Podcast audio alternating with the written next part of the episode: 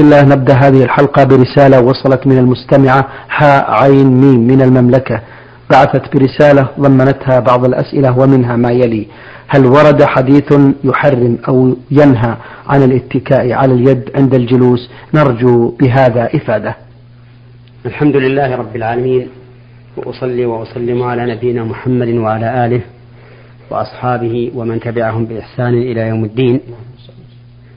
يروى عن الرسول عليه الصلاة والسلام أنه رجل أنه رأى رجلا متكئا على يده اليسرى على بطن الكف فقال إن هذه جلسة المغضوب عليهم ولكنني لم أحرر هذا الحديث تحريرا أصل به إلى درجة الحكم عليه ولكن من المعلوم أنه إذا صح هذا عن النبي صلى الله عليه وسلم فإن فإنه يدل على الحذر من هذه الجلسة وتجنبها لأنه لا يليق بالمسلم الذي يطلب رضا الله عز وجل أن يتشبه بالمغضوب عليهم. فإن النبي صلى الله عليه وسلم قال من تشبه بقوم فهو منهم. والتشبه بالقوم هو أن يصنع الإنسان ما يختص بهم من الهيئات واللباس وغير ذلك. أيضا المستمعة تقول هل يجوز رمي الأشرطة التي تحمل تسجيلات لبعض الآيات القرآنية الكريمة وبعض الأحاديث الشريفة في سلة المهملات؟ وإذا كان ذلك لا يجوز فماذا يجب أن نفعل بعد تلفها؟ أفيدونا بهذا. هذه الأشرطة التي تتضمن شيئا من من الآيات الكريمة أو من الأحاديث النبوية لا يظهر فيها أثر. بالنسبة للآيات ولا للأحاديث. أي لا يظهر للآيات ولا الأحاديث صورة بهذا الشريط. طيب. وإنما هي حبيبات أو نبرات. إذا مرت بالبكرات التي في المسجل حصل منها هذا الصوت. فلا يثبت لها أحكام الورق الذي يكتب فيه. شيء من القرآن أو من الأحاديث النبوية. فإذا رماها الإنسان في أي مكان بشرط أن لا يقصد إهانتها فإنه لا حرج عليه في ذلك. كما أنه لو دخل فيها مكان قضاء الحاجة فإنه ليس في ذلك بأس. لأن الآيات أو الأحاديث لا تظهر في هذه الأشرطة. نعم. طيب. المستمعة من المملكة تقول عندما نشتري بعض الملابس للأولاد أو للبنات ويكبروا عنها فلا تعد تصلح لهم مع آه أنها صالحة للاستعمال. فهل يجوز أن نلبس البنت ملابس الولد أو العكس نرجو الإفادة حول هذا؟ لا يجوز أن تلبس البنت ملابس الولد ولا الولد ملابس البنت. لأن هذا يتضمن تشبه الرجل بالمرأة والمرأة بالرجل. وقد ثبت عن النبي صلى الله عليه وسلم أنه نهى أنه لعن المتشبهات من النساء بالرجال والمتشبهين من الرجال بالنساء. وقد نص أهل العلم رحمهم الله على أنه يحرم إلباس الصبي ما يحرم على البالغ لبسه. وعلى هذا فإذا كان عند عند الإنسان فضل لباس لا يصلح لمن يلبسه فإن الأفضل أن يتصدق به إما على المحتاجين في بلده أو على المحتاجين في بلد آخر يرسله إليهم.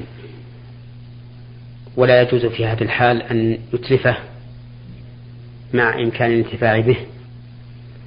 لأن النبي صلى الله عليه وسلم نهى عن إضاعة المال وإتلاف ما يصلح للاستعمال مع إمكان وجود من يستعمله إضاعة للمال. نعم.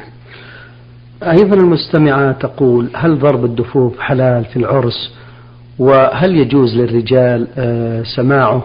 وهل يجوز الغناء في العرس خاص للنساء؟ نعم. نعم ضرب الدف في العرس للنساء جائز. بل إنه سنة. وكذلك الغناء على هذا الدف لكن بشرط أن يكون غناء نزيها. ليس من الأغاني الماجنة التي تدعو إلى الفجور وتحمل المعاني السيئة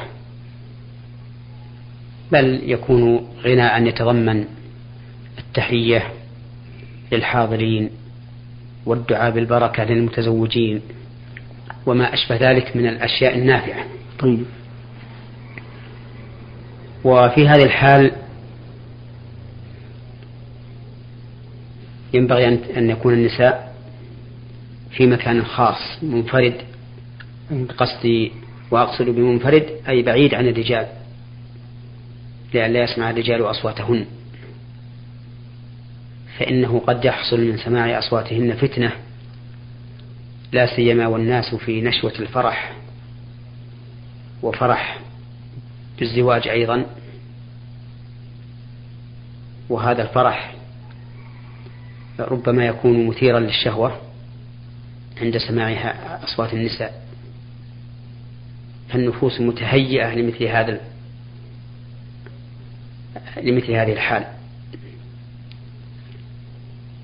لذلك يفرد النساء في مكان بعيد عن سماع الرجال أصواتهن نعم وبهذه المناسبة نعم.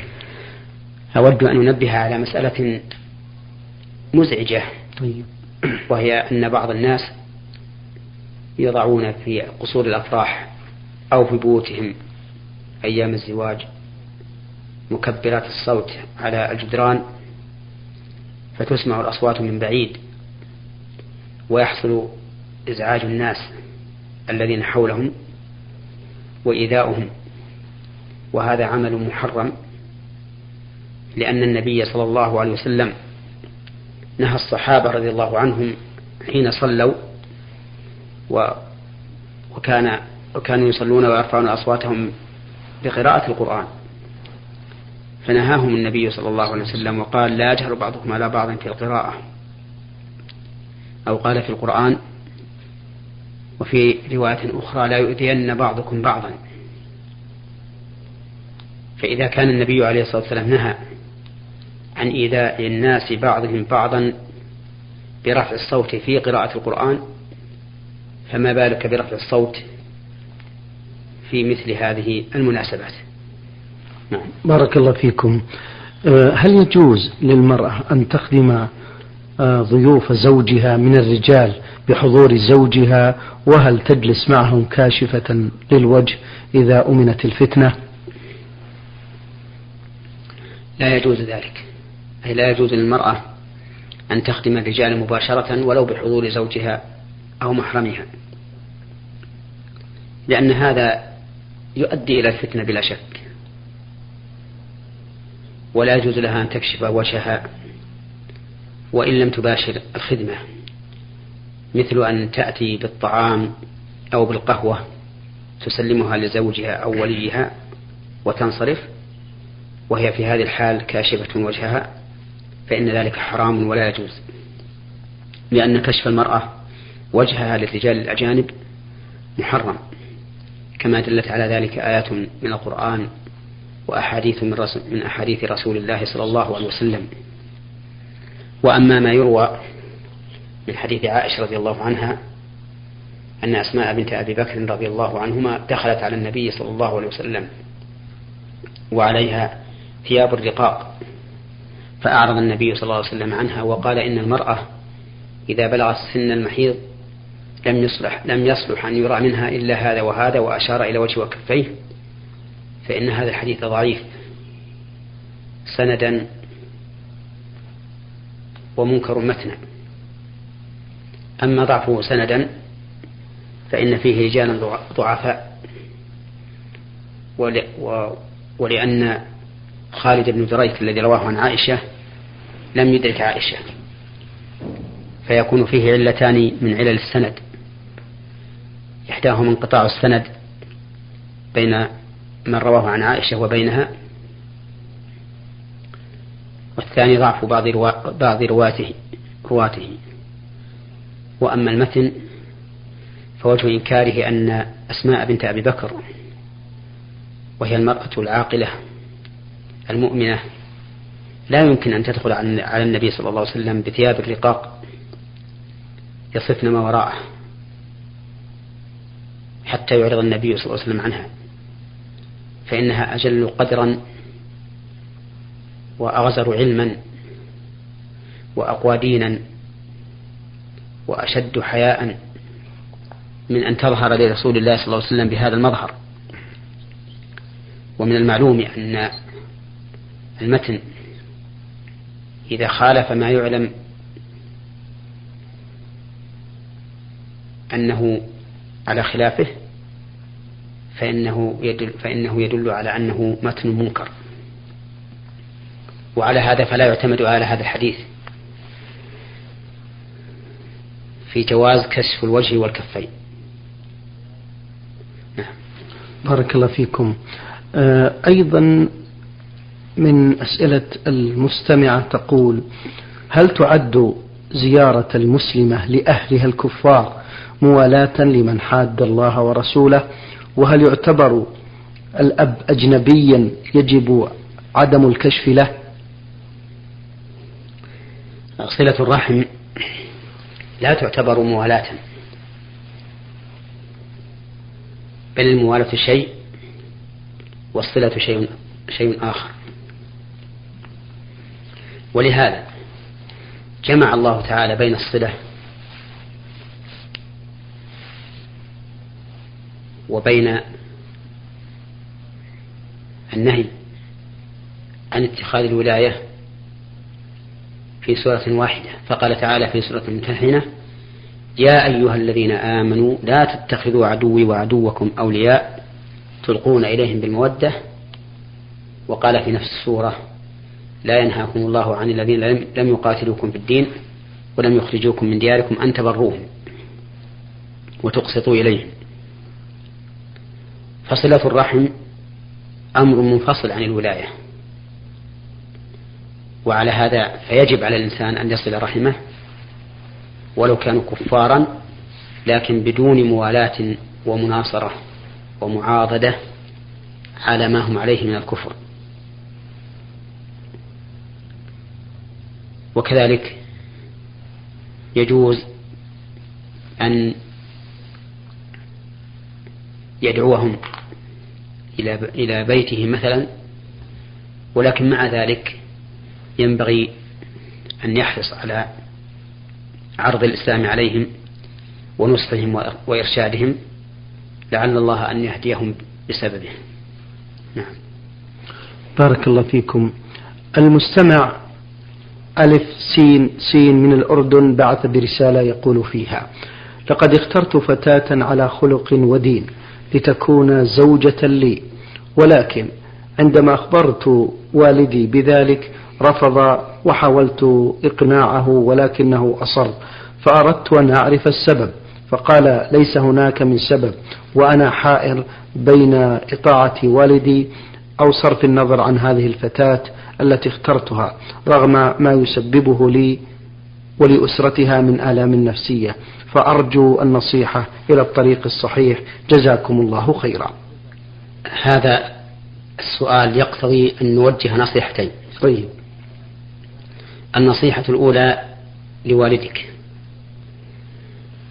حيث أصر على منعك من التزوج بهذه المرأة التي وصفتها بأنها ذات خلق ودين. فإن الواجب عليه أن يأذن لك في تزوجها إلا أن يكون لديه سبب شرعي يعلمه فليبينه حتى تقتنع أنت وتطمئن نفسك. وعليه أن يقدر هذا الأمر في نفسه.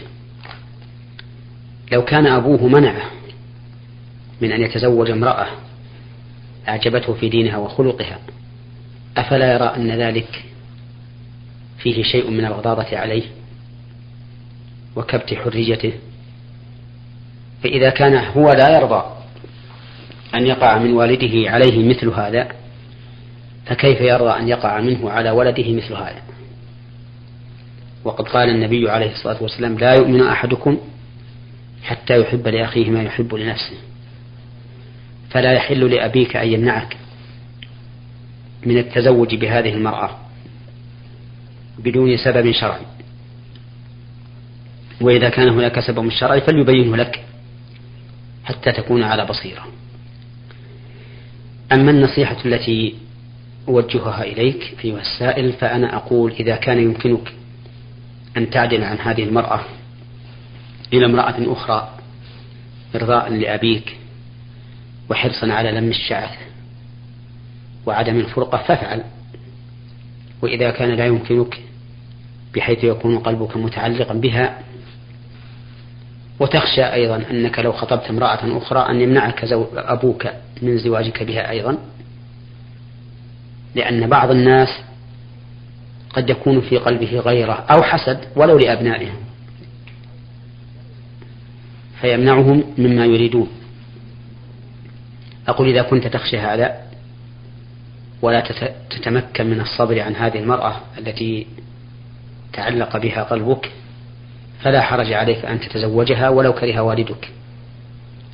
ولعله بعد الزواج يقنع أو لعله يقتنع بما حصل ويزول ما في قلبه.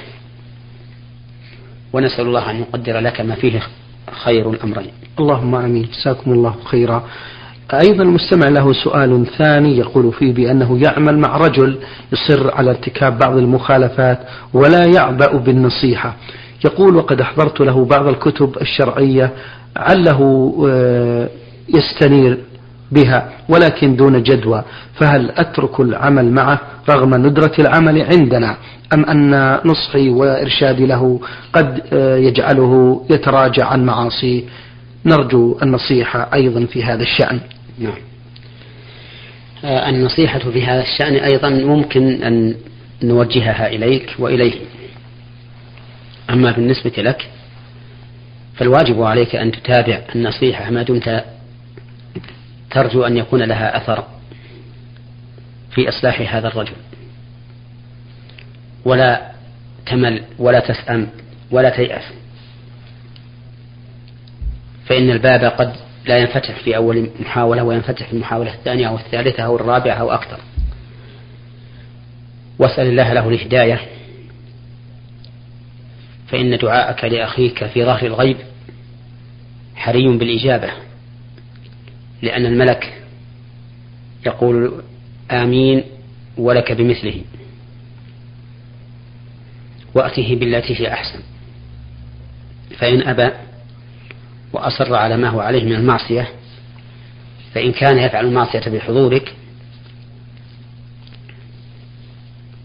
وأن طبيعة العمل تقتضي أن تكون حاضرا وهو يعمل المعصية فلا يجوز لك أن تبقى في هذا العمل لأن الجلوس مع أهل المعاصي معصية ومشاركة لهم في الإثم كما قال الله تعالى وقد نزل عليكم في الكتاب أن إذا سمعتم آيات الله يكفر بها ويستهزأ بها فلا تقعدوا معهم حتى يخوضوا في حديث غيره إنكم إذا مثلهم.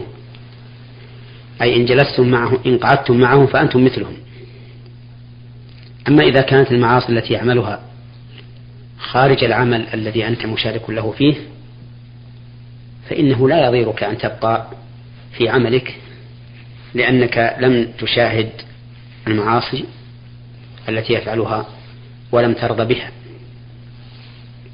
هذا بالنسبة للنصيحة لك. أما نصيحتي له فإنني أقول عليه أن يتقي الله في نفسه وأن يتوب إلى الله عز وجل لأن الله تعالى أوجب التوبة على عباده من جميع الذنوب.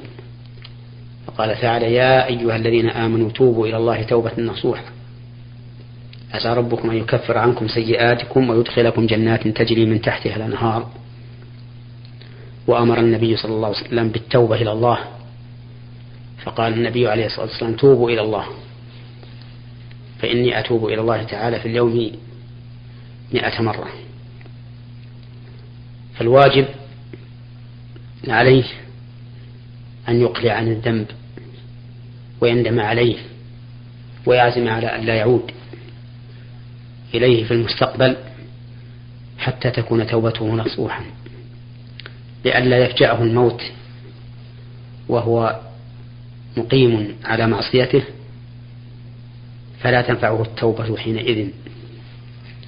لقول الله تعالى وليست التوبة للذين يعملون السيئات حتى إذا حضر أحدهم الموت قال إني تبت الآن والإنسان لا يدري متى يفجأه الموت. فنصيحتي له ولكل مذنب مسرف على نفسه أن يتوب إلى الله ويقلع من ذنبه قبل أن لا يكون له مناص منه. نعم. بارك الله فيكم. هذه رسالة بعث بها المستمع علي محمد. حقيقة رسالة طويلة يقول فيها. سؤاله الأول يقول أرجو من فضيلتكم إعطائي وصفا كاملا لصفة تكفين الميت والصلاة عليه وما هو الدعاء الذي به وما هو الدعاء الذي يدعى به في صلاة الجنازة. كما أرجو من فضيلتكم إخباري عن الكتب التي تعالج هذا الموضوع. أما الكتب التي تبحث في هذا الموضوع فهي كتب الفقهاء رحمهم الله وكذلك أهل الحديث. فالكتب الحديثية تبحث في هذا الموضوع سواء كانت مرتبة على الأبواب أو على المسانيد. وأدلك على كتاب معين مثلا كتاب المنتقى منتقى الأخبار الذي ألفه مجد الدين عبد السلام بن تيمية جد شيخ الإسلام ابن تيمية رحمه الله. فهو كتاب قيم مفيد وعليه شرح للشوكاني رحمه الله فبإمكانك أن تأخذ منه فائدة كبيرة.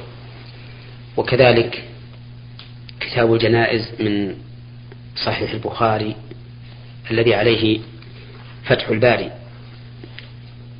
لابن حجر العسقلاني. وكذلك كتب الفقه على جميع المذاهب كلها تبحث هذا الموضوع وتبينه. ويستفيد منها المرء المسلم. أما ما سألت عنه من صفة التكفين فإن النبي صلى الله عليه وسلم كفن في ثلاثة أثواب بيض بدون قميص ولا عمامة. فيؤتى بالخرق الثلاث ويبسط بعضها فوق بعض ثم يوضع الميت عليها ثم ترد أطرافها على الميت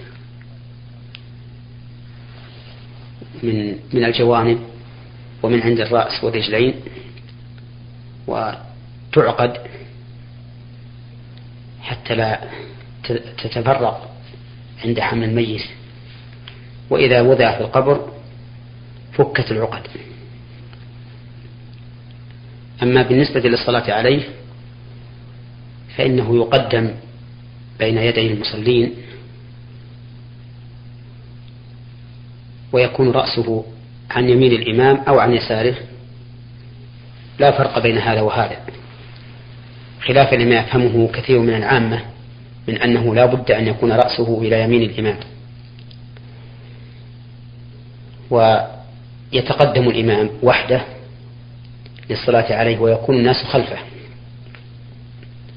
وأما ما يظنه بعض العامة من أنه لا بد أن يكون أولياء الميت إلى جنب الإمام فهذا ليس له أصل. لكن الذين يقدمونه إذا قدموه إلى الإمام تأخروا إلى الصفوف فإن لم يكن لهم مكان فلا حرج عليهم أن يصفوا وراء الإمام لكن لا يصفوا بحذائه. نعم. لأن السنة تقدم الإمام على المأمومين ويكبر عليه أربع تكبيرات أو خمس أو أكثر حسب ما جاءت به السنة. يقرأ في الأولى سورة الفاتحة بعد التعوذ والبسملة. وفي الثانية يصلي على النبي صلى الله عليه وسلم كما في التشهد. اللهم صل على محمد وعلى آل محمد كما صليت على إبراهيم وعلى آل إبراهيم إنك حميد مجيد. اللهم بارك على محمد وعلى آل محمد كما باركت على إبراهيم وعلى آل إبراهيم إنك حميد مجيد. وبعد التكبيرة الثالثة يدعو للميت فيقول اللهم اغفر لحينا وميتنا وشاهدنا وغائبنا وصغيرنا وكبيرنا وذكرنا وأنثانا إنك تعلم منقلبنا ومثوانا. اللهم من احيته منا فاحيه على الإسلام ومن توفته ومن توفيته منا فتوفه على الإيمان. اللهم اغفر له وارحمه وعافه واعف عنه وأكرم نزله وأوسع مدخله وأصله بالماء والثلج والبرد ونقه من الخطايا كما ينقى الثوب الأبيض من الدرس وأبدله دارا خيرا من داره وأهلا خيرا من أهله وأدخله الجنة وأعيذه من عذاب القبر وعذاب النار وافسح له في قبره ونور له فيه. ويدعو أيضا بما شاء مما يحضره من الدعاء. وبعد التكبيرة الرابعة يقول ربنا آتنا في الدنيا حسنة وفي الآخرة حسنة وقنا عذاب النار ثم يسلم. وإن كبر ثم سلم بدون دعاء فلا بأس. وإن كبر خمسا فلا أعلم ماذا يقول بين الرابعة والخامسة. ولكن لو قسم الدعاء السابق فجعل بعضه بعد الرابعة وبعضه بعد الخامسة فإن ذلك لا بأس به. يعني أنه جعل بعضه بعد الثالثة وبعضه بعد الرابعة فلا بأس به. ثم بعد هذا يسلم تسليمة واحدة عن يمينه. وفي هذه التكبيرات يرفع يديه عند كل تكبيرة كما جاءت بذلك السنة. فقد صح هذا عن من فعل ابن عمر رضي الله عنهما وروي مرفوعا إلى رسول الله صلى الله عليه وسلم. فالسنة أن يرفع المصلي على الجنازة يديه مع كل تكبيرة. نعم. بارك الله فيكم. آه، شكر الله لكم فضيلة الشيخ وبارك الله فيكم.